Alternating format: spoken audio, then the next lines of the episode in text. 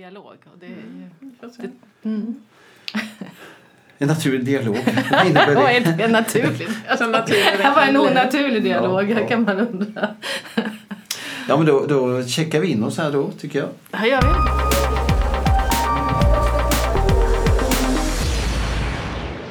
Välkomna till podd X. Jag heter Bitta Appelqvist. Ulf är döpt till. Det är ingen människa som vet det. Och med har det Vem är det? Ja, vem, Vem är? Ulf. Bitte ja, alltså eller det, Ulf? jag har jobbat med musik i Blekinge, Region Blekinge och jag är rockkonsulent sedan väldigt många år. Då frågar ju sig många, är rockkonsulent? Är det bara rock? Nej. Nej, alltså rocken, man får väl säga att det är något slarvigt begrepp för all musik som eh, är gjord från 50-60-talet och framåt.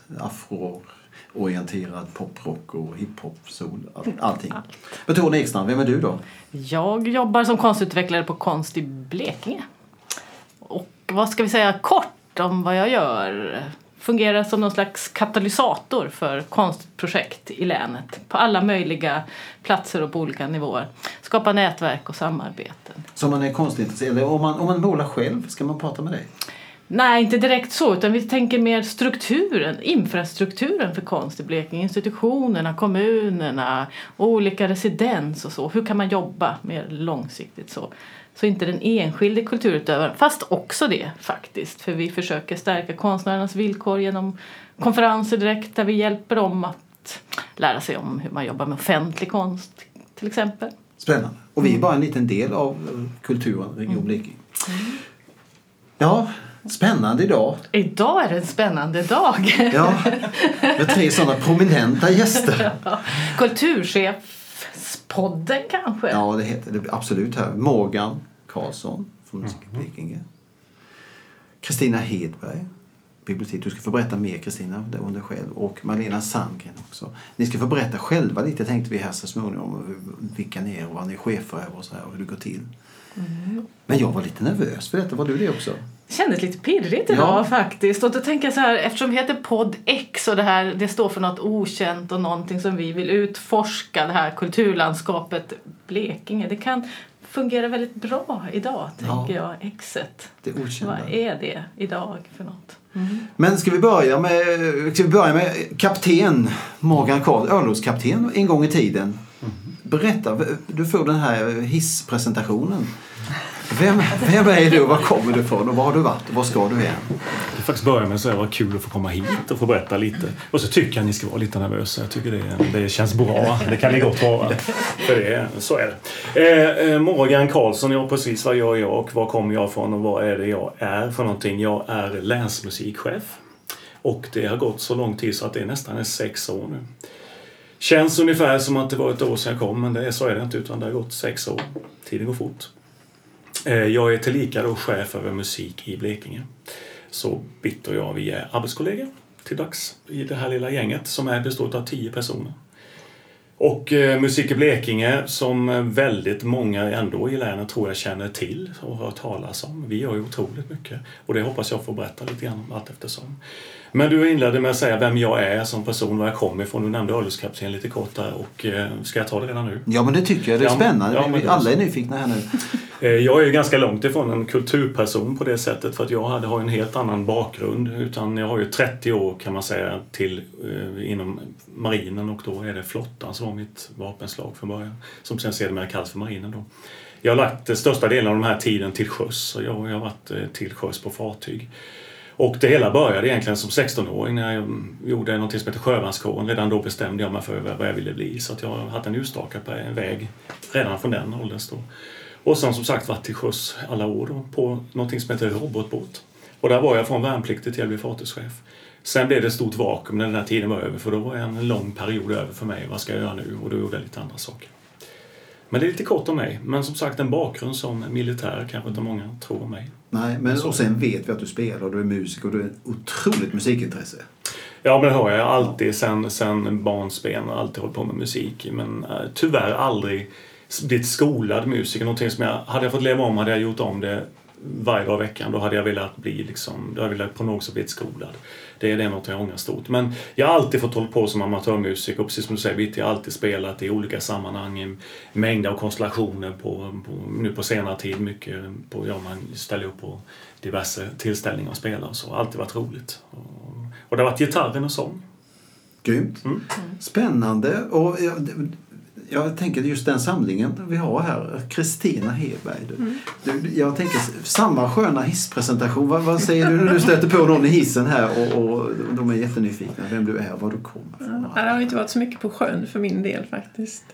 Nej, men eh, jag är ju chef då för någonting som heter eh, Biblioteksutveckling Blekinge Kronoberg. Så jag jobbar även i grannlänet här då. Eh, och det är ju den regionala biblioteksverksamheten som finns i hela Sverige men också här och vi samarbetar då med, med Kronoberg. Och eh,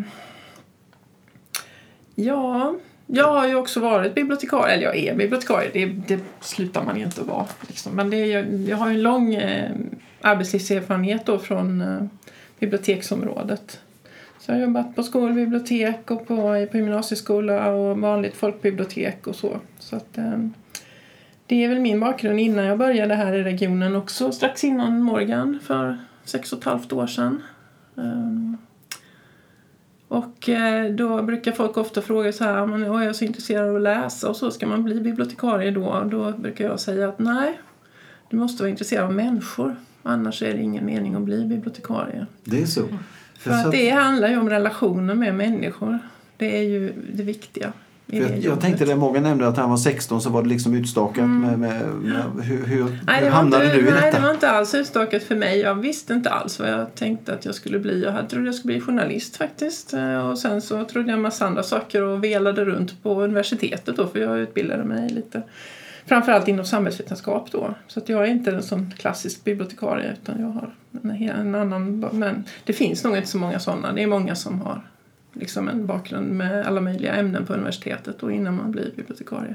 Så fick jag något sånt där råd av någon syokonsulent eller så som som sa så här, ja men när jag har intervjuat dig här nu så kan jag tycka antingen ska du gå kulturvetarlinjen eller så ska du bli bibliotekarie. Jag kan inte rekommendera någonting av det för då får man inget jobb. Och då gick jag hem och tänkte så här att jag skiter i det. Ehm, jag vill ändå bli det här och då eh, sökte jag in till Bibliotekshögskolan men kom inte in men jag kom däremot in på kulturvetarlinjen så då började jag där. Men gick bara en termin för att sen kom jag in på biblioteksutbildningen då. Och eh, jag har inte varit arbetslös efter det kan jag säga. Eh, nu finns det en stor brist, precis som inom många andra yrken då, på bibliotekarier. Men så var det ju inte på 80-talet då när jag började jobba. Spännande. Det var, liksom, det, det, var många gånger du sa bibliotek. Vad härligt att höra. Liksom. Det var verkligen dedikerat bibliotek. Ja, men jag har funderat ja. lite på det nu när liksom jag börjar närma mig pensionsåldern faktiskt då, även om det är ju några år kvar. Eh, har jag funderat på det och jag tänker så här, nej men det är det här, det är det viktigaste uppdraget tycker jag, att jobba med eh, demokrati. För det är det biblioteken står för. Så att jag vill fortsätta med det. Vad spännande. Vår tredje gäst, Malena Sandgrens. Ja, du har hört nu.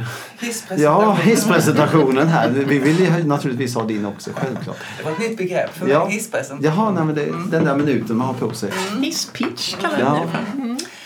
Eh, nej men jag eh, eh, jobbar ju då som chef för avdelningen kultur och bildning på Region Blekinge och är då chef över den strategiska avdelningen kan man säga, plus den då operativa där då bland annat musik i Blekinge, konst i Blekinge och biblioteksutveckling ingår till exempel. Men framförallt så har jag ansvar för de strategiska lång, eh, långtidsfrågorna kan man säga. Eh, vi är till för att kratta manegen för att alla andra ska kunna göra. Det är egentligen det som är mitt uppdrag sådär väldigt kort. Eh, min resa hit är att jag egentligen ehm, alltid har jobbat med barn och unga. Jag började att utbilda mig till lärare en gång i världen och blev musik och svensklärare jobbade ett antal år på högstadiet och tyckte det var jättekul. Eh, men av olika anledningar så halkade jag in på att bli rektor i vanliga skolan och sen blev jag rektor på kulturskolan. Och sen började jag jobba med barn och unga och eh, kulturutveckling i Malmö stad. Och sen hittade jag den här tjänsten och då tänkte jag att ja, men det var, verkar ju spännande, Den får jag söka. Och så fick jag då ansvar för en helt ny eh, segment, det vill säga liksom hela segmentet. Vad är kultur? Vad ska vi ha kulturen till i Blekinge? Hur kan vi utveckla Blekinge utifrån det kulturella perspektivet? Det har varit oerhört spännande, oerhört lärorikt och jag har mött oerhört dedikerade människor. Eh, och det är fortfarande så spännande så jag lär mig nya saker varje vecka. Det är ju fantastiskt att höra. Mm. Jag, tänk, ja, Jättespännande. jag, men jag tänker, det finns en gemensam nämnare. Du, Malena, med, med människor. Alla ni tre pratar möten med människor. Jag tänker på en båt, örlogskapten, man, människor, bibliotek möter människor. Och du pratar också om att det är det som har fått dig att liksom, Absolut. Är det en av drivkrafterna, det här mötet? Alltså att det, all offentlig verksamhet är ju till för människorna. Eh, därför att utan människornas... Eh, eh, alltså det, allt vi gör ska gagna alla människor i vårt samhälle. Det är ett samhällsuppdrag vi har. Och det är nog samhällsuppdraget som driver mig. Att få lov att vara del i den utvecklingen som vi tillsammans skapar. Det är nog det som driver mig mest. Tror. För jag kan tänka mig om man är lite, lite fördomsfull utifrån. Om jag tänker att jag nu är en människa som lyssnar på det här. Att man många gånger undrar just vad, vad, vad gör alla där? Och när du säger strategi och kratta manegen, kan du bara ge något exempel på hur det skulle kunna vara? Jo, absolut. Eh, vi har ju politiska uppdrag och eh, de politiska uppdragen säger då i vilken riktning man ska utveckla kulturen i Blekinge. Men jag kan ju inte göra någonting för jag sitter ju på kontor. Utan jag måste ju prata och jobba med de aktörerna som är de mina görare. Så till exempel är, om vi nu ska ta någonting lätt exempel, så är ju museet, Blekinge museum är en av mina görare. Och då behöver jag ju ha samtal med Blekinge museum eh, ofta och mycket kring hur ska vi då tillsammans lägga fram den här strategin så att vi kommer dit hän dit politiken har sagt att vi ska. För det är det som är mitt uppdrag att driva politik eh, som tjänsteperson. Och det betyder ju att vi tillsammans då med de olika organisationerna träffas ofta, pratar mycket. Vi har mål vi ska uppnå, men vi har också inspirationssamtal som jag tror är egentligen det som gör att vi kan driva utvecklingen framåt. Att vi delar gemensamma bilder om att vad målet finns i det där som politiken sa att vi skulle. Så tillsammans jobbar vi. Spännande, vilken bra grundton vi har fått på detta känner jag. Ja, verkligen. Det bottnar verkligen i både i uppdraget men också i er som personer. Och vi är väl lite nyfikna på om ni har haft någon sån här omvälvande kulturupplevelse som, som gjorde er intresserade av kultur eller som ni, om ni har haft den senare i livet. Så det vill vi jättegärna höra. Mm. Vem vill börja? Jag har tre sådana där jätte... Ja, ja. Alltså sådana som jag brukar tänka på. Att det är Shoot. Ja. Jag är uppvuxen i en familj där pappa spelade jazz, eh, spelade tenorsaxofon. Och varje söndag var det rep med storbandet. Och från jag var fem år gammal så satt jag på kanten. På kant. Det vill säga längst ut utanför saxsektionen och lyssnade. så att det är en av de delarna. Och sen så var det en gång när jag gick i årskurs sju faktiskt. Ehm, då kom det ett eh, teatersällskap till aulan och spelade en eh, pjäs som handlade om kvinnlig frigörelse. Jag kan fortfarande den låten som, som eh, satte sig så väl i huvudet på mig. Och det var en sån här riktig sån, jag, jag, blev liksom, jag var inte människa på två veckor, om hur man kunde använda eh, teater för att eh, få nya tankar och nya ord på det man eh, eventuellt hade funderat lite grann på. Eh, och sen har jag en gång suttit i symfoniorkestern och spelat Sibelius. Och när trombonerna, liksom, när, när, ni vet att trombon... Eh, vad heter det? Röret? Nej, vad heter det? Draget Draget heter det. Trombondraget. Liksom, det gick ut med höga örat så här. Liksom, eh, och, och, och i efterhand kan man tänka att det är kanske därför man har lite tinnitus. Men, men då i alla fall, då reste sig håret på hela kroppen och tänkte detta är magiskt. Så det är sådana tre jättestarka saker som jag har med mig. Då satt jag och spelade fiol i raden framför trombonerna. Så. Vad häftigt.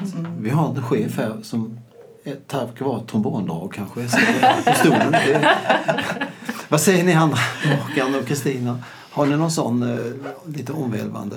Ja, jag har ett par stycken också. Eh, Som liten, vi har tyvärr inte så mycket musik i min familj, i innersta familjen, men däremot hade jag morbror som alltid spelade dragspel. Alltid, alltid när vi träffas då. Och det tror jag påverkar mig mycket, den, den glädje det var. Det var. Man längtade komma till de här samlingarna när han skulle spela dragspel. Det missar jag väldigt särskilt.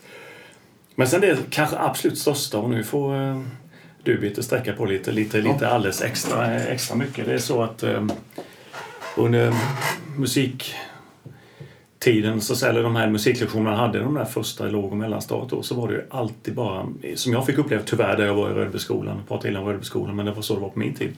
Stora klasser var bara teori, man fick aldrig riktigt på något sätt känsla för musiken. Det var, det var på, på något sätt som jag aldrig riktigt förstod.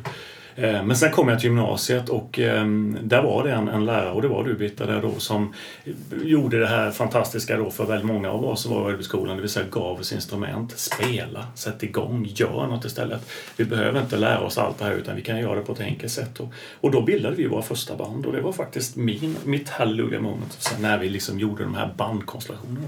Och det var ju faktiskt du som låg bakom det. Ja, fantastiskt. Ja, så det, det får du sträcka på lite Ja, extra. Men, men det där var ett, ett väldigt starkt eh, incitament för att mitt musikliv kom igång. Det var det. Eh, Men sen finns det många andra sådana här, man har varit på saker och ting sen. Men, men just de där två händelserna har betytt varför jag fastnade för musiken. Mitt eget utövande.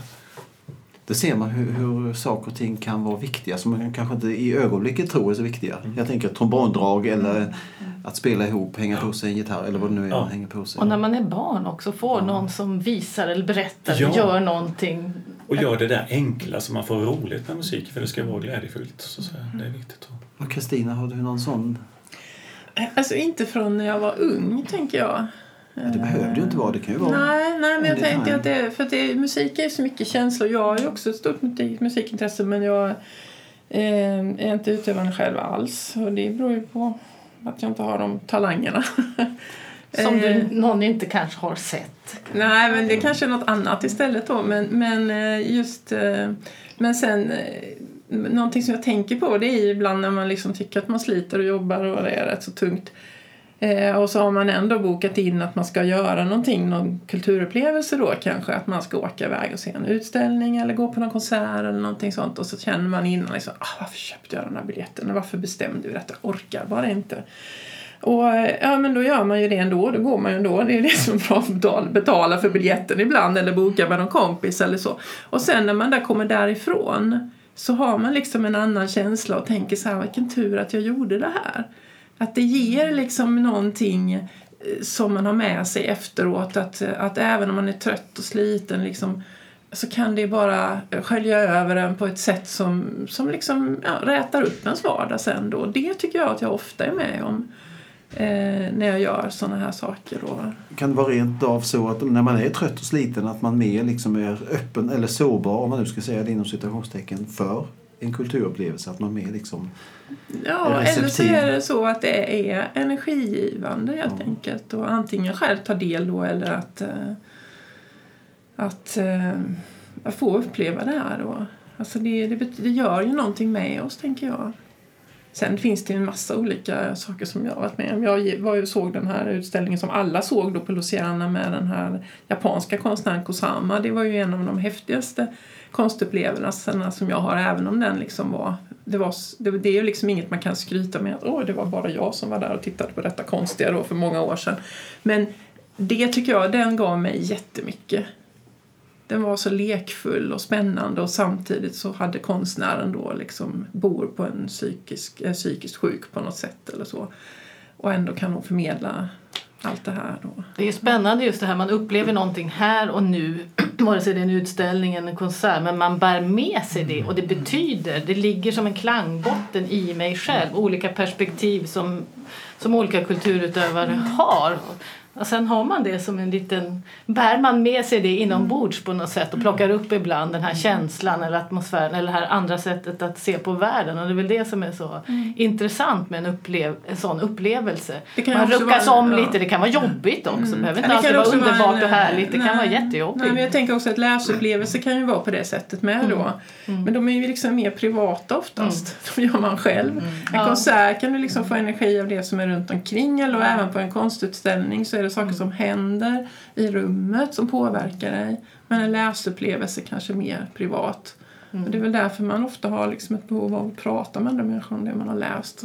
En bokcirkel kan liksom ge det där extra eh, inputen till läsupplevelsen. Man är inte då. samma person efter man läst en bok som man var innan. Man är en ny person då. Ja, eller är man, det, är man det så kanske man ska göra skit i att läsa den. Men så kan vara svårt att förklara Ja. kanske. Ungefär som vi alla går ut ur en biosalong och det är knäpptyst. alla bearbetar en liten stund innan. Vad, vad var det jag tänkte här nu? Men nu diskuterar man ju mycket det här med Game of Thrones då. Liksom att alla har sett de här åtta säsongerna då, eller många. Och, och det blir en stor tomhet efteråt. Och liksom, vad ska jag göra nu? Och, men det är samma sak kan ju hända om man liksom får en, en väldigt stark läsupplevelse tycker jag framför allt. Liksom. Om man då gärna vill ha en bok att ta vid med när man liksom är klar med en. Att man behöver kanske det andas lite emellan där. Men är man då lite läsberoende så ja, då vill man börja på nästa bok direkt. Men ibland kan man inte det. Jag brukar säga att man ska vänta med att läsa författare tills de är döda. Så de har hela, liksom, som har hela deras... Då vet man. Nu går man miste om så mycket på vägen. Ja, jag det är fantastiskt hur du kan påverka alltså alla konstupplevelser oavsett om du läser en bok eller gå på en teater eller lyssna på musik. Då. Jag menar hur, hur du kan vara i ett sinnestillstånd så att säga. Om du antingen blir om du är ledsen du kan bli glad och tvärtom av en sån enkel sak som toner. Du kan trycka på den här gaspedalen lite, ta- lite hårdare i ett visst tempo och tvärtom slå av och undra varför inte alla kör sakta som du när du lyssnar på fin ballad. Hur man kan liksom bli så påverkad, det tycker jag är ganska fascinerande. Och det visar ju att det vi håller på med är viktigt. Det är viktigt. Det är stort. Fast idag bytte så hjälper det inte att de är döda. Det är andra som skriver Ja, det är nya som skriver. Ja, ja, läser Nej, men jag tänker att det är... Ja, Lagercrantz, ja precis. Så att, eh, Men, men, för jag tänker om, vi, om det är okej om att vi, Mm. för vi har ändå behållit oss i kulturbegreppet just nu. Så här, om, om ni skulle diskutera det liksom, vad är egentligen, det är det många som vi har haft en, en företrädare till, på hög nivå i Sverige som inte ville kalla kultur för kultur utan ville kalla det för underhållning. Ehm, till exempel. För mig det här- är det absolut inte underhållning. för mig är det mycket mer blodigt allvar än så. Eh, för mig är kultur eh, människors möjligheter att eh, tänka nya tankar, växa som människa och få syn på sig själv och världen genom de upplevelser som man har. Dels genom mötena med människorna men också genom de nya tankar, nya funderingarna, nya perspektiven som man får genom att möta konst och kultur. Det är därför som man kan eh, bli, därför som det blir debatt om kultur också ju. Man retar upp sig på offentlig konst till exempel eller även på litteratur eller på konstutställningar. Och det finns också säkerligen musik som provocerar eh, på olika sätt då. Och det är ju för att det inte bara är underhållning. Jag tänkte på en, en upplevelse som jag hade när jag började jobba på en konsthall och, och så var det en man som kom och han var alltid så arg på alla utställningar nästan. Varje gång så, ah, och så diskuterade vi och diskuterade fram och tillbaks olika och så gick han och så kom han tillbaks igen så efter några år sa han det här, alltså jag beroendeframkallande det här. För att varje gång jag går härifrån är jag arg. Och sen går jag och funderar. Vad är, vad är det här för någonting? Och så tänker jag och tänker och tänker. Och sen tänker jag, nu måste jag nog titta. Vad är det nu för något knasigt?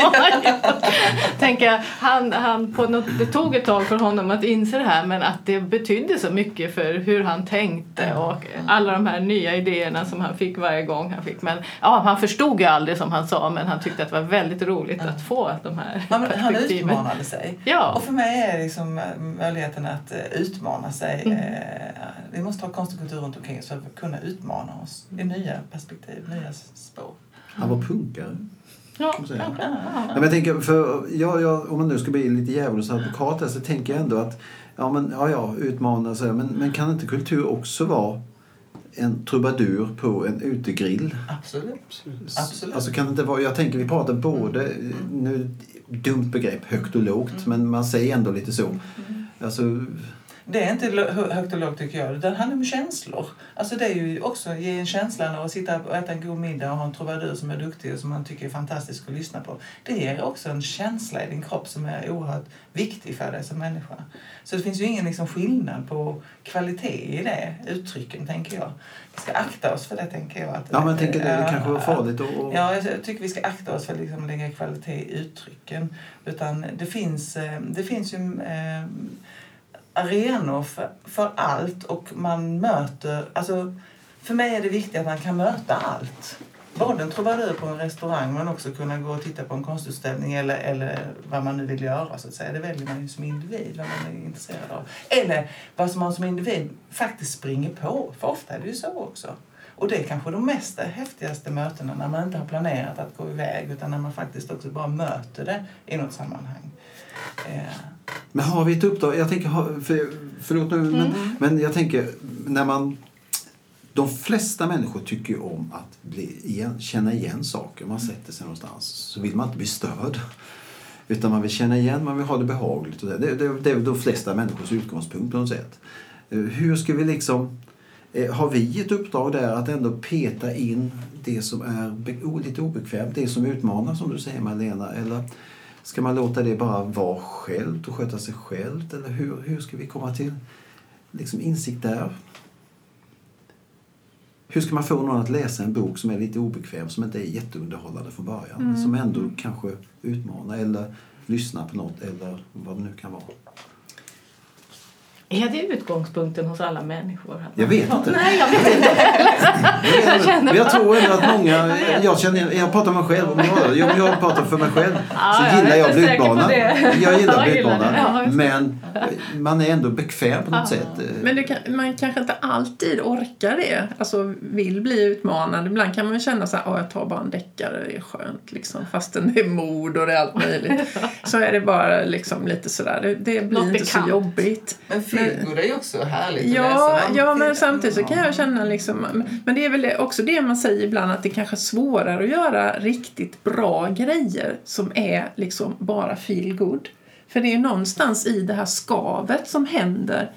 Alltså det, även, det gäller ju även kanske, jag tänker som liksom, om man tänker jättetraditionellt på konst då, en tavla bara sådär. Om det liksom bara är mm, supervackert så kanske man ändå vill att det ska vara en liten fluga där eller liksom någonting som får en att börja tänka. Och då är det väl så att ibland är man mer mottaglig för skavet och ibland är man inte det. Men det handlar också om en vana. Eh, Att att, utsätta vå- sig att lite. våga Mm. utsätta sig lite grann. Att läsa den där feel boken som ändå har en liten twist. Och då är det den twisten man kommer ihåg. Men Jag, jag tänker också mycket på det här att det ska finnas arenorna med möjligheterna. Alltså, eh, vi måste kunna erbjuda eh, mycket. Därför att vi har så olika preferenser som människor. Eh, och, och ibland så tänker jag ofta på det där att det är det där som man inte vet om fanns. Som ibland är det mest häftigaste man har upplevt i sin, i sin dag. Det tänk, jag är gammal lärare och det tänker jag ibland på eh, med eleverna. När man, när man ibland kunde presentera någonting som de inte hade en, en aning om att det existerade och så, så tyckte de att det var dödshäftigt. Det tycker jag också att vi ska försöka erbjuda varje dag i, i våra olika kommuner, det där eh, mötet. Men det handlar ju också om att ha ehm, eh, relationer, människor som kan, som kan ta mig i handen ibland och locka mig till någonting. Eller, eller någon kompis som säger Wow, har du varit där och tittat på det? Gud vad kul det var, ska vi gå dit tillsammans? Eller något där för att få samtalet kring det. Men vi, har, vi inte, har vi inte arenor där, där det finns alltihopa? Alltså allt från att eh, skapa själv eh, Eh, till att eh, uppleva så, eh, så, så möter vi inte det. Så för mig är det det viktiga, att det ska finnas ett stort utbud. Jag måste haka på lite där, jag håller med dig helt Malena. Just det här med mångt, mycket och e-, erbjuda ett, ett väldigt brett utbud, hur viktigt detta är då. Och inte minst om man nu får bli lite så här smått politiskt korrekta, inte minst då så att säga det de utmaningar vi står för i vårt län just nu som gör det att vi måste bli mer attraktiva för att hit mer folk. Det är en jättestor fråga just nu.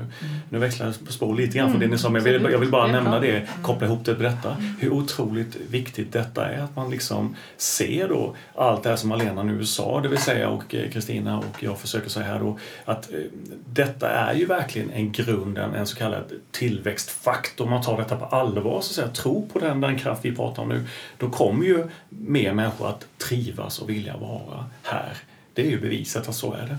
Så jag tycker det var så skönt att höra det du sa Malena, precis koppla bara på det på, på den svängen och hur viktigt detta är. Där kommer vi ju in på utmaningarna för Blekinge som vi gärna ville prata med er om idag. Och vad finns det för utmaningar? Vilken bra brygga jag kommer. Ja. Alltså. Så löst.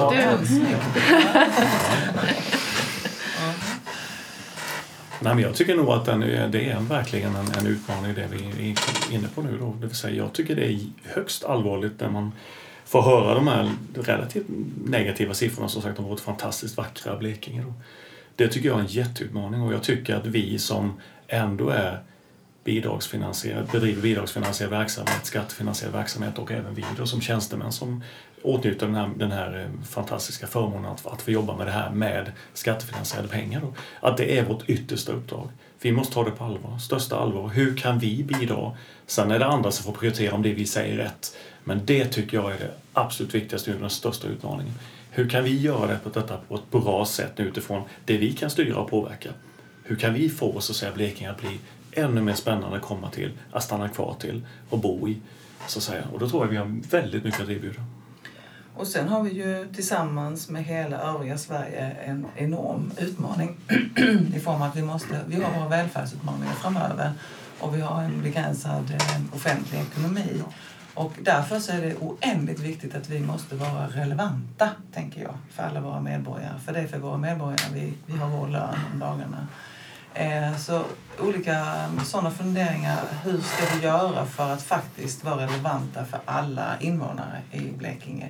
Är ju en eh, fråga som vi hela tiden måste fundera på varje dag, mm. tänker jag. Mm. Mm. Ja, men jag, jag kan haka på lite då. Eh, eh, när det gäller biblioteksfrågorna då så, så jobbar ju inte... Vi jobbar ju eh, här på, på regional nivå så jobbar inte vi med att eh, göra grejer utan det finns ju bibliotek i varje kommun. Så vårt uppdrag är ju att eh, hjälpa dem att utvecklas, apropå det här med relevansen då. Ehm, så vi jobbar mycket med utvecklingsprojekt och projekt som, som kan stödja kommunernas utveckling då av eh, biblioteksfrågor. Och där är det ju egentligen inte bara kultur det handlar om, det är ju väldigt mycket mer. Informationsfrågor är ju en samhällsinstitution då. Eh, så det är ju en del i detta, att fundera över liksom, att det inte ska vara likadant i alla kommuner, det ska inte vara likadant i alla regioner i Sverige men det ska finnas någon typ av likvärdighet ändå.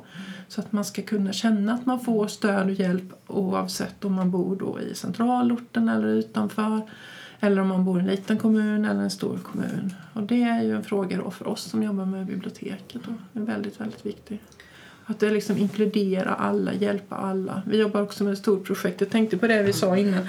Det är ju också det här med det digitala som påverkar oss nu. Alltså att vi, vi befinner oss i algoritmerna, eh, vi hamnar i vår egen bubbla väldigt mycket. Då har kulturen, eh, liksom kulturutbudet en jättestor betydelse att det är brett och att det finns mycket att välja på. Att en del är lite mer konstigt kanske och spännande och annat är mer lättare att ta till sig. Och, och det är också en utmaning det det. Eh, faktiskt. Mm. Eh, och där jobbar också biblioteken med att hjälpa människor att bli digitalt delaktiga helt enkelt. Att klara att använda det digitaliserade. Och där kan man ju säga att vi också kan fundera över hur kulturen liksom kan leva i det digitala samhället och, i, mm. och vad som kan ge, ge någonting genom att man har möjlighet kanske att ta del av saker fast man inte kan vara på plats. Mm. Och, mm. Eller att man kan vara med och skapa digitalt också vi är ju ett eh, paradigmskifte när det gäller eh, det. Alltså hur, ja. ska vi, hur ska vi nyttja den digitala utvecklingen för att kunna vara eh, på platser där vi idag inte når? Och, och det, det, det, har vi ju kvar att fundera ut tillsammans. Mm. Ett sätt att, precis som det som ni pratade om, möten mellan människor är ju mm. viktigt men även det, det, kan man också göra i den digitala precis. världen vilket också kan göra en sugen på att komma vidare till en kulturupplevelse till mm. exempel. Mm. Eller delta i en diskussion där man känner sig kanske på en liten, liten ort någonstans i Blekinge känner att det finns ingen som är som jag. Jag är själv på något sätt i mitt intresse för den här saken. Att man ändå kan hitta sina och sen tycker jag att vi har en jätteutmaning i att kunna eh, erbjuda eh, så mycket olika sorters kulturuttryck som möjligt för våra barn och unga. Och också tillsammans med kommunerna har vi ett ansvar att kunna erbjuda arenor Eh, Eh, där barn och unga kan prova att själv få skapa och utvecklas är också oändligt viktigt. Och barn och unga är ju också ett politiskt väldigt tydligt mål både från staten och från regionen eh, och från kommunerna så att säga. Så där har vi ett gemensamt uppdrag att jobba med barn och unga perspektivet. Det gör vi bra i Blekinge eh, på många olika saker. Vi, vi, vi kan erbjuda barn och unga i skolan eh, mycket olika kulturuttryck. Men eh, vi kan alltid bli bättre. Och det, vi får liksom inte glömma det perspektivet. Barn och unga är en av våra viktigaste målgrupper. Men där kan man väl slå sig för bröstet lite om man är i Blekinge. Att vi Absolut. faktiskt är väldigt, väldigt bra på barn och unga perspektivet. Just när det gäller barn och ungas möjlighet att få ta del av eh, eh, musik och teater och, och viss annan kulturupplevelse, till exempel film och så vidare i skolan. Där är vi faktiskt bäst i Sverige. Ja men säg det, det ska vi säga. tycker jag. Det är viktigt att lyfta fram. Ja. Så, så det brukar jag säga till mina politiker. Det kan man alltid vara väldigt, väldigt stolt över att man ger möjlighet till det. Eh, det är vi faktiskt bäst i Sverige på. Vi har någonting som vi kallar för Blekingmodellen som når alla barn och unga i alla skolor i hela Blekinge. Och det gör vi då i samarbete med våra kommuner och det är otroligt fint. Det blir lite tyst Wow, för det. det var vad ska vi prata ja. om nu? Ska vi, Nej, ska vi tycker det kommer koppla tillbaka till liksom det vi pratade om i början också. Att kan vi, om vi, om, ja, i alla fall mina kollegor här då som hade väldigt starka upplevelser från när de var barn eller unga. Eh, är det, någon, det är ju precis det som man vill att de ska få. Om man inte får det hemma, eh, om man inte har det hemma så ska åtminstone skolan kunna bidra till detta. Och då kan det inspirera dem att jobba själva med kultur eller vara en eh, duktig amatör eller få liksom med sig saker då i sitt liv. Det är jätteviktigt. Mm. Jag tänker, du har ringat in en fråga. Vi, vi har Mm. ju förberett lite frågor här, eller i tankar. Och jag tänker, eftersom vi har tre ledare som sitter framför här. eh, just det här med att leda och styra kulturen åt olika håll. Eller, eh, det, här, det är ju som ett stort skepp misstänker jag som ska flyttas riktning på eller så. Vad säger ni om det? Ni sitter ju ändå där och leder och styr på något sätt. Morgan och Kristina och Lena. Du, du fäster blicken långt i horisonten, Morgan. Ja, det är nej, Strategiskt Ja. tänkande. Ledarskap är synnerligen viktigt och otroligt viktigt att man anpassar det liksom efter där man är. Då. Jag berättade om min bakgrund innan i det, det militära. Det var en typ av ledarskap som krävdes där och naturligtvis situationsanpassa efter var jag befann mig i, i de olika rollerna. När jag kom hit till eh, Musik i Blekinge, då var, det var ju helt klart ett annat ledarskap. Det märkte jag ganska tydligt då. Ett ledarskap där det handlade om väldigt mycket att skapa förutsättningar för andra att göra, att blomma så att säga. Då. Eh, Inte centralstyra så eller direktstyra så mycket utan, utan tvärtom försöka bygga en, en, en stabil bas eh, där man med förtroende och med väldigt mycket ödmjukhet måste man också tycka när man eh, ska jobba med, med det här. Men framförallt med mycket förtroende. Får då folk omkring att, att själva börja fungera. Det är då du får ett plus ett att bli tre. Och, och just i kulturen är det synnerligen viktigt har jag märkt. Eh, det finns säkert andra platser men jag kan ju bara prata om min- mina erfarenheter med just detta ledarskapet. För att vi är ganska få som ska göra ganska mycket och vi har relativt begränsade budgetar och medel och på något sätt vill vi växla upp detta. Och det kände väl jag då, mm, tycker jag varit en framgångsfaktor om jag får säga för mig själv om, om mitt ledarskap här. Jag tycker vi har lyckats väldigt bra på Musik i Blekinge just med, med den här biten. Och jag tycker att det är gett också effekt. Men det är en jätteintressant fråga den är inne på nu med ledarskapet. Nu pratar jag direkt ledarskap. Mm. Vad säger ni om Ja, nej, men jag tänker, det är ju det som du har sagt innan också Malena, det här det är ju politiken som bestämmer. Men, eh, men sen är det ju så att vi, vi har ju, eh, jag tycker det har blivit ännu tydligare. Jag har varit eh, chef för två olika kommun, två kommuner också för bibliotek tidigare innan jag började här då, så att jag har ju bara jobbat inom själva kultursektorn så jag kan inte jämföra med någonting annat. Men jag tycker att det är väldigt tydligt när man jobbar regionalt att man har, en, eh, alltså man har styrdokument som är liksom relevanta och eh, som jag tycker att vi har utformat på ett sätt som liksom funkar bra att använda sig av då. Sen är det ju också så när det gäller biblioteksfrågan då att då har vi också en lag att förhålla oss till eh, som styr faktiskt eh, det som ni pratade om innan det här prioriterade grupper till exempel då. Barn och unga, människor med annat modersmål, personer som har olika typer av funktionsvariationer är prioriterade för biblioteken att se till att de också får tillgång då. Eh, och det styr ju oss också, vårt arbete, så vi jobbar ju mycket med det. Att stödja biblioteken i att jobba med de här frågorna. Då. Nej, så jag tycker väl att, eh, alltså jag kan inte säga, men eh, i min organisation så handlar det mycket om att alla behöver vara liksom sin egen chef och sin egen motor och jobba på. Alltså det är väldigt självständiga eh, tjänster som finns i organisationen och då gäller det att leda dem. Eh, Så att man, det är som du säger också, att skapa förutsättningar för att faktiskt ut, göra det jobbet. Men ändå vara ett stöd när, eh, för dem då. Men eh, eh, jag kan väl också säga att detta är det roligaste jobbet jag har haft hittills. Det är kul att höra. Det är härligt. Det är jättekul. Men eh, det är väldigt stimulerande att få jobba på regional nivå, absolut. Eh, du befinner dig eh, i, i mellanläget mellan stat och, och kommun och däremellan alla våra ideella föreningar som finns som är oerhört viktiga för oss för att kunna få eh, output och så vidare. Så det finns ett jättespännande eh, samtal att föra med, med så många olika eh, organisationer och eh, grupper. Eh, det som jag tänker på ledarskapet är ju det, alltså ledarskapet i, internt i en organisation, det tror jag är rätt så lika. Jag tror att människor behöver eh, ungefär samma sak oavsett vad man jobbar med. Eh, jag har ju dock, dock inte så mycket annan erfarenhet än den offentliga världen så det kan ju vara annorlunda utan att jag har en aning om det. Men jag tror att, ledars, att vi människor är lika eh, oavsett vad vi är. Så att ledarskapet, vara var lyhörd, vara, alltså vara tydlig i vilka uppdragen är, vart vi ska. Och sen vara stöttande, stödjande och coachande. Det, det tror jag liksom att alla vi människor behöver. Eh, det behöver jag också fast jag är chef över hela avdelningen så att säga. För det tror jag att det är en mänsklig, eh, mänskligt behov i, i, i sitt sätt att utvecklas. Men sen styr, styr, alltså styrningen av en sån här sak, den, den, den har vi ju att förhålla oss till statlig styrning. Vi jobbar efter en förordning som eh, regeringen eh, eh, ställer sätter upp till oss. Och sen jobbar vi då efter de politiska målen som vi då försöker tillsammans med verksamheten sammanfatta i en kulturplan för Blekinge. Eh, och eh, när vi tar fram den så, så gör vi ju det i så hög dialog vi kan, så att säga, utifrån de förutsättningarna vi har.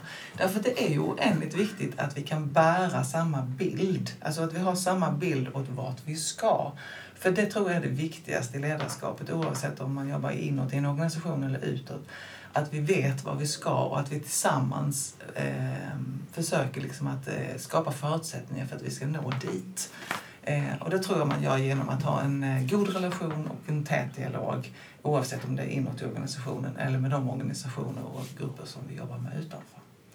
Och det tycker jag att vi har varit duktiga på i, eh, i, på vår avdelning med våra, med våra avdelnings eh, olika enheter som jobbar med de här frågorna.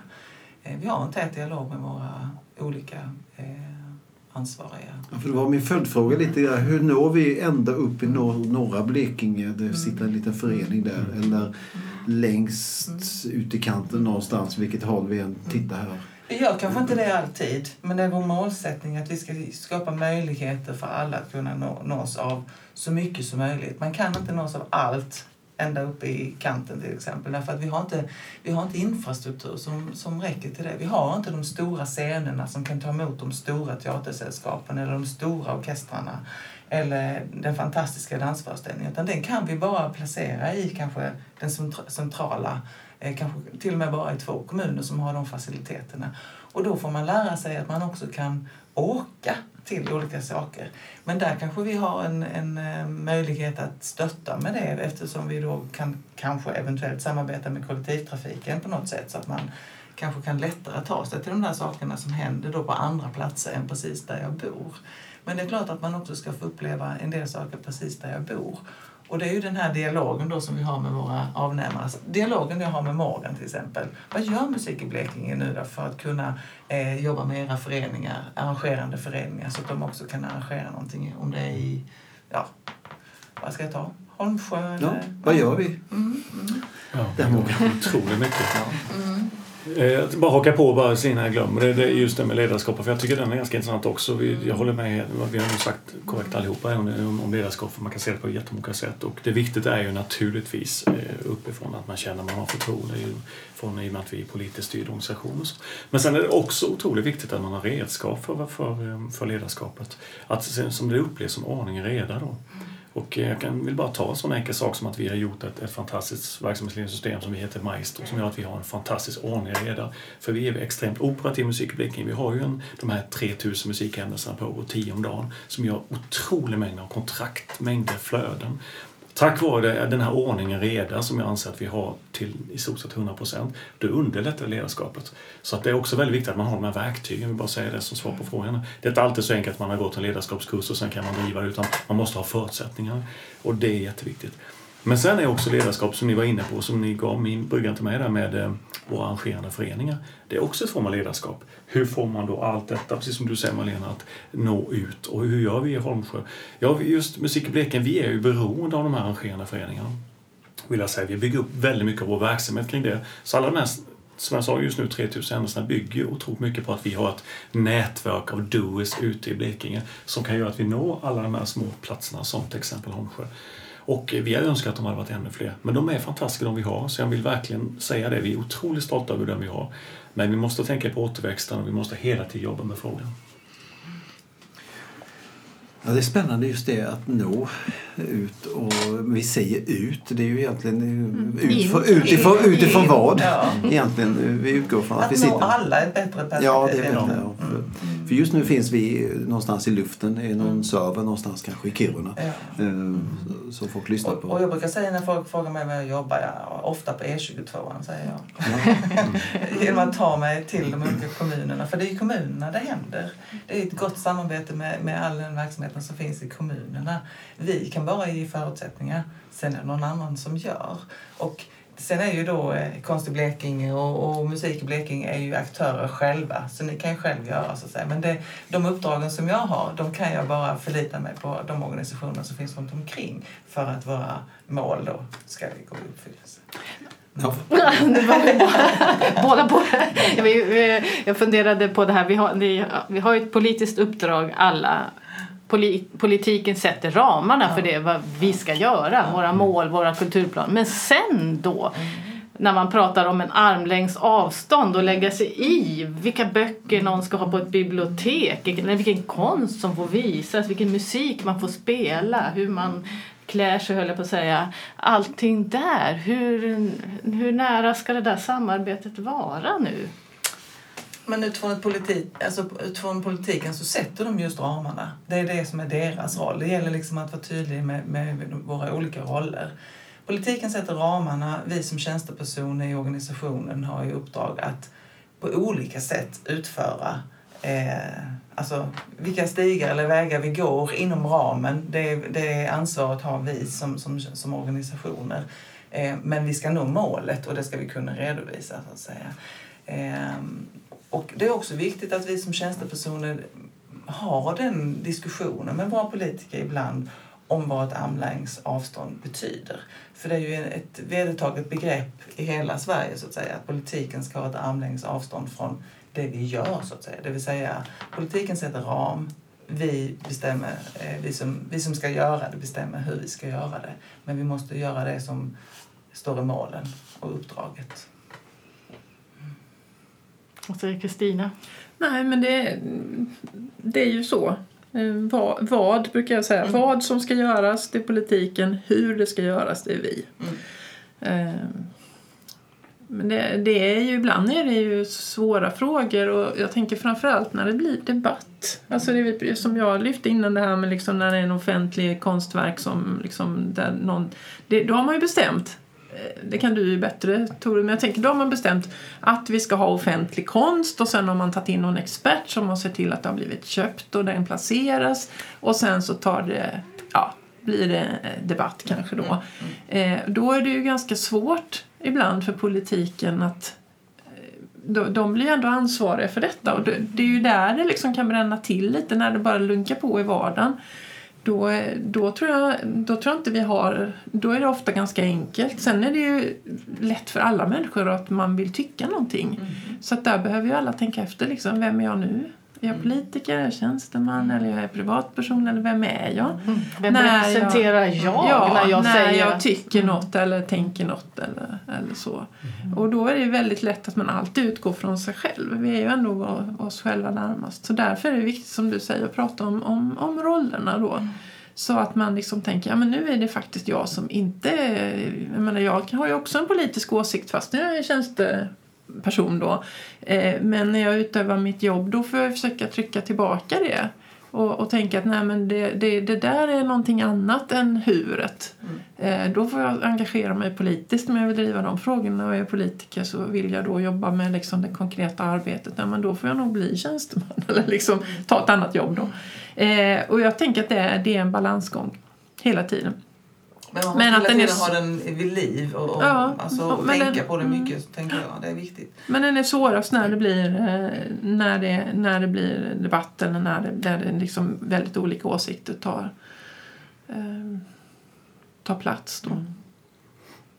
Och det är väl det som är kulturen. Olikheten, mångfalden, man lyfter fram det. Mm. Men det är ju lite Åsikten är ju en sak, kunskapen en, en annan. Men det är ju jobbigt ibland när det blir konflikter. Och, och vi, och vi är olika bra på att ta det och klara det. Och det är ju oavsett vilken roll man har. Så kan man ju tycka att det är, man vill helst inte vara med om att det ska bli debatt eller konflikt kring någonting. Eh, och sen blir det det ändå.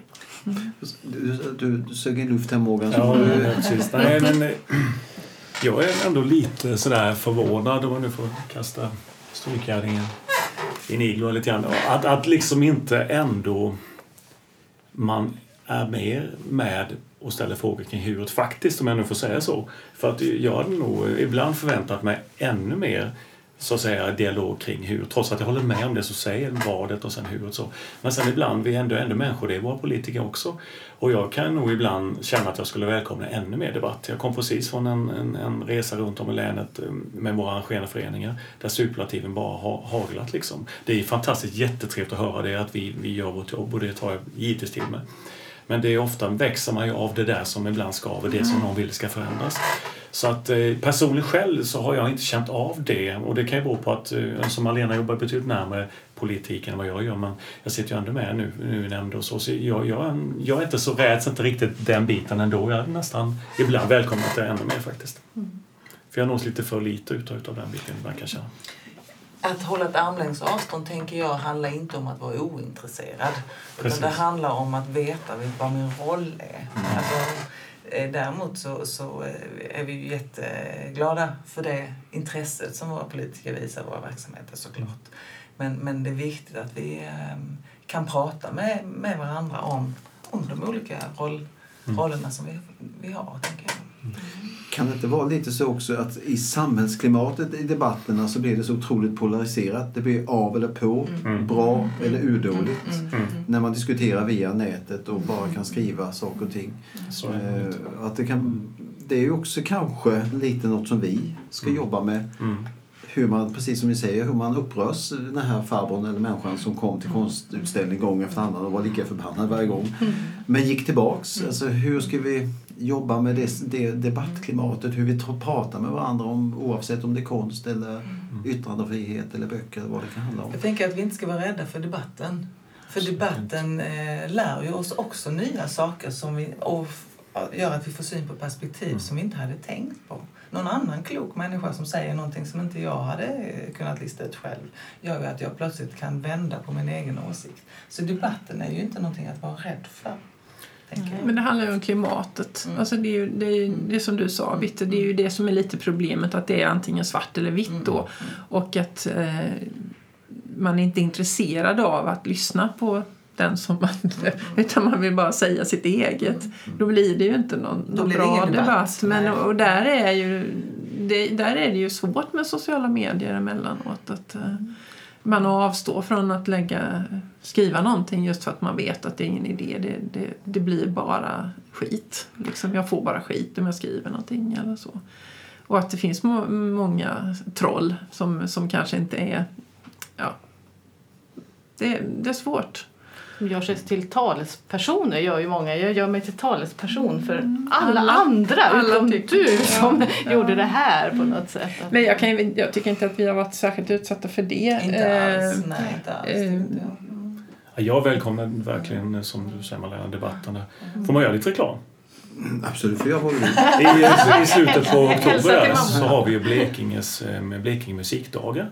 Som i år är i Karlskrona, sen nästa år är i Karlshamn, sen kommer det vandra runt i kommunerna. Årets tema är ett musikliv för alla. Där hoppas jag väcka debatt. Vi kommer ju dit en mycket intressant föreläsare. Där ska vi diskutera i en fråga som är just nu är brännhet runt om i, landet faktiskt. Då. Så det ska bli kul och då kanske jag får uppleva det där som jag nu efterfrågar. Ja. lite, lite mera mm, debatt. För det, det, det, det är som Malena säger, det växer vi och vi behöver det. Det blir ju lite ett, en, en motor till oss. Men det är ju de man älskar som man träter som mest med som regel. Ja, men lite grann så. Faktiskt. Det, det, Sen så önskar man sig ett gott klimat oavsett om det sker i, i verkliga livet eh, eller på sociala medier. Alltså ett gott klimat. För jag menar, den här pajkastning, den Nej. växer vi inte av. Det ska vara Men ett gott klimat liksom, och en god dialog och en god debatt, det växer vi av. Då får vi nya perspektiv. Men vi växer inte av att få gräddtårtor kastade i ansiktet på oss. Nej, om man säger så. Nej, Vad, vad är de hetaste frågorna, Morgan? Vad är de? Just nu, är- det är faktiskt en- den jag sa där, jag försökte slänga in lite grejer, den, den är väldigt het just nu faktiskt den här frågan och det beror ju naturligtvis återigen på det är inte lätt idag eh, på, på riksnivå att prioritera så att säga, våra, våra statliga finanser, hur de ska gå. Och, eh, Eh, vår, det vi just nu sitter här och, och representerar, vi får ju inte så mycket extra tillskott varje år, det, det vet vi om, utan tvärtom så har det väl stått still stundtals ibland, eh, utvecklingen av, medel till, till kulturen. Eh, så på något sätt måste man ju då börja prioritera och då är det så att eh, under en väldigt lång tid så har förhärskande varit att vissa genrer har fått väldigt mycket del utav den här kakan och, och vi har försatt oss med, med väldigt stora institutioner, stora hus, stora orkestrar och liknande. Det här är väldigt, detta är en väldigt speciell fråga för att nu har det kommit upp nu en, en, en generation av människor som håller på och utövar den musik som förut, förut anses vara eh, eh, vad heter det? Kommersiell. Kommersiell, Ja. tack Bitte. Eh, och det stämmer ju inte alls längre. Så den här frågan är är brännhet just nu och den kommer debatteras många år framöver tror jag och det kommer bli, bli stora förändringar tror jag. Och just i den frågan kan vi ju vara glada Blekinge att vi inte har någon stor symfoniorkester som... Ja men så är det ju. Vi, vi, vi, vi, vi, så. det har ju Blekinge redan gjort, som Malena säger, den här resan. Vi har gjort resan redan, eh, om man nu tar musik i Blekinge då. Men, men det spelar ingen roll, vi är ett litet län och landet är stort. Så den frågan är brännhet. Och nu ska vi tillägga det att vi har ju inte nått emot en stor symfoniorkester. Det är en fantastisk upplevelse, precis som du sa med trombonen i örat. Vi önskar mer pengar Bitte. Ja, ja, det är det. Vi vill ha alltihopa. Men, jag vi är tänker- tvungna att prioritera, så är det. Och den kommer att bli brännhet, den frågan. Och jag, jag skulle vilja lägga in där, jag tycker att eh, eh, alltså, vi jobbar ju också eh, interregionalt, det vill säga med våra andra regioner runt omkring oss. Och det handlar ju väldigt mycket om just den här frågan, det vill säga vi har gemensamma välfärdsutmaningar. Vi kan inte förvänta oss att eh, vår skattekraft ska öka så att vi kommer till få mera medel inom kulturområdet. Utan frågan är hur ska vi bli bäst och mest effektiva och hjälpa varandra så att vi kan erbjuda ett brett kulturliv för alla fast vi kanske inte har någon symfoniorkester själv i Blekinge. Men det betyder ju inte att vi inte vill lyssna på en symfoniorkester då och då ibland så att säga. Utan hur ska vi liksom fördela v- våra gemensamma resurser för att vi gemensamt ska kunna få ett så brett kulturliv som möjligt. Det är en stor utmaning för eh, södra Sverige framöver. Men den har vi påbörjat den resan. Fantastiskt, för jag tänkte fråga om framtiden. Eh, jag tänker, frågan, där för du är en fråga om framtiden. Hur liksom, om vi tittar framåt nu, Kristina och Morgan också. Hur, hur, eh, hur ser framtiden ut? Eller vad ligger i framtiden? Eller vad drömmer vi om? Jag drömmer, om jag verkligen får drömma långt fram, och det, stod jag, det, det här sa jag även för ett tag sedan jag stod i nämnden. Jag drömmer om en, eh, någon form av eftergymnasial skola till Blekinge. Det hade varit otroligt häftigt. Någon form av musik, eh, eftergymnasial musikskola i Blekinge. Värd namnet så att säga då. En, en riktig satsning då. Det hade varit väldigt fint. Eh, jag drömmer också om att Blekinge kanske skulle kunna få bli så att säga Sveriges blåsmusikcentrum på något vis. Inte minst för att vi har den här fantastiska institutionen i Blekinge som är då Maries musikkår. Det drömmer jag också om. Så det var två saker för mig där som kom lite snabbt när du ställde frågan. Förutom allt det som då Malena is, Ja. greppade om det stora. Ja. Kristina? Jag vet Ja, Jag tycker det är jättesvårt att säga. Jag tycker... Ja, Hur ser bibliotekens framtid ut? ja det, säger folk, det har ju folk frågat hur länge. Kommer det finnas Ja. några böcker om tio år? Ja, men då ställer vi den frågan. Kommer det att finnas några böcker? om tio år? Och så tänker jag så här, ja, vem är det som vet det? Det är klart det kommer finnas böcker. Det finns ju hur många böcker som helst ju. Ja. En del är digitala, en del är tryckta. Det är ju liksom berättelsen som är det viktiga i böckerna. Men jag tänker att bibliotekens uppdrag är mycket bredare. Och att, att eh, det vi sa innan, det här med liksom att det, det är relevanta, viktiga, öppna institutioner där man inte behöver registrera sig eller man liksom kan gå dit vem man än är. Att tröskeln ska vara så låg att de kan användas av det, till det som människor behöver. Alltså traditionen är ju egentligen att det är en folkbildningsinstitution. Vad är det för folkbildning vi behöver nu och i framtiden? Hur kan man vara flexibel så att folk kan få liksom den information, stöd i sitt eget lärande framåt också utan att behöva vara på en institution men också kunna möta då människor som kan hjälpa dem och lotsa dem i det här då som man behöver. Det är väl det är ju liksom ingen dröm utan det är bara så det måste bli, mm. tänker jag. Mm, Men jag lyssnade på en framtidsforskare förra veckan, det är ganska kul. Jag tänker, eller han var inte ens forskare, han var framtids någonting. vet jag. kanske? Ja, jag vet inte om han var det heller. Han var naturligtvis från Venice Beach i Kalifornien. Men i alla fall, han sa, jag tyckte det var lite bra, han sa här, det blir svårare och svårare att tänka framåt idag för samhället blir mer och mer komplext. Det har så många variabler då. Så han sa så här att för tio år sedan kunde man säga att om fem år kommer det vara så här och det kunde ganska stämma ganska bra. Och skulle man säga säger det idag så skulle 50% vara bullshit. Och vem vill då vara liksom framtidsanalytiker? Och det tänker jag det kan vara ganska bra. Men vad han sa också som man skulle tänka på det som ens barnbarn skulle tycka var lite pinsamt att man gjorde. Jag tänker att kanske det kan vara äta kött eller köra bil med bensin eller liksom lite sådana grejer. Det kanske man då om ett antal år kan tycka, gjorde ni verkligen det? Alltså vi kan ju också mm. tänka så på tidigare generationer. Mm. Vad var det som de tyckte var pins som vi tycker var lite pinsamt att de gjorde? Där kommer det ske förändringar.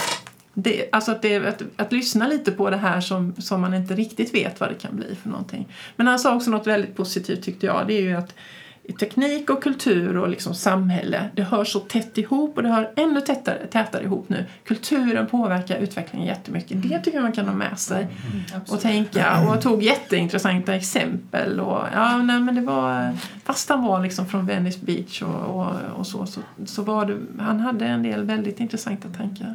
Så att, eh, men vi bestämmer ju själva lite också, tänker jag. Alltså genom att prioritera, jobba med vissa saker som vi tycker är viktiga Eh, det vi har pratat om innan med människorna, att det är de som är de viktiga. Mm. Eh, då är vi ju där och försöker påverka framtiden. Vi sitter inte och väntar på att den ska komma. Det... Vilka fantastiska avslutningar här. Eh, vilken drömtrio vi har framför oss. Faktiskt.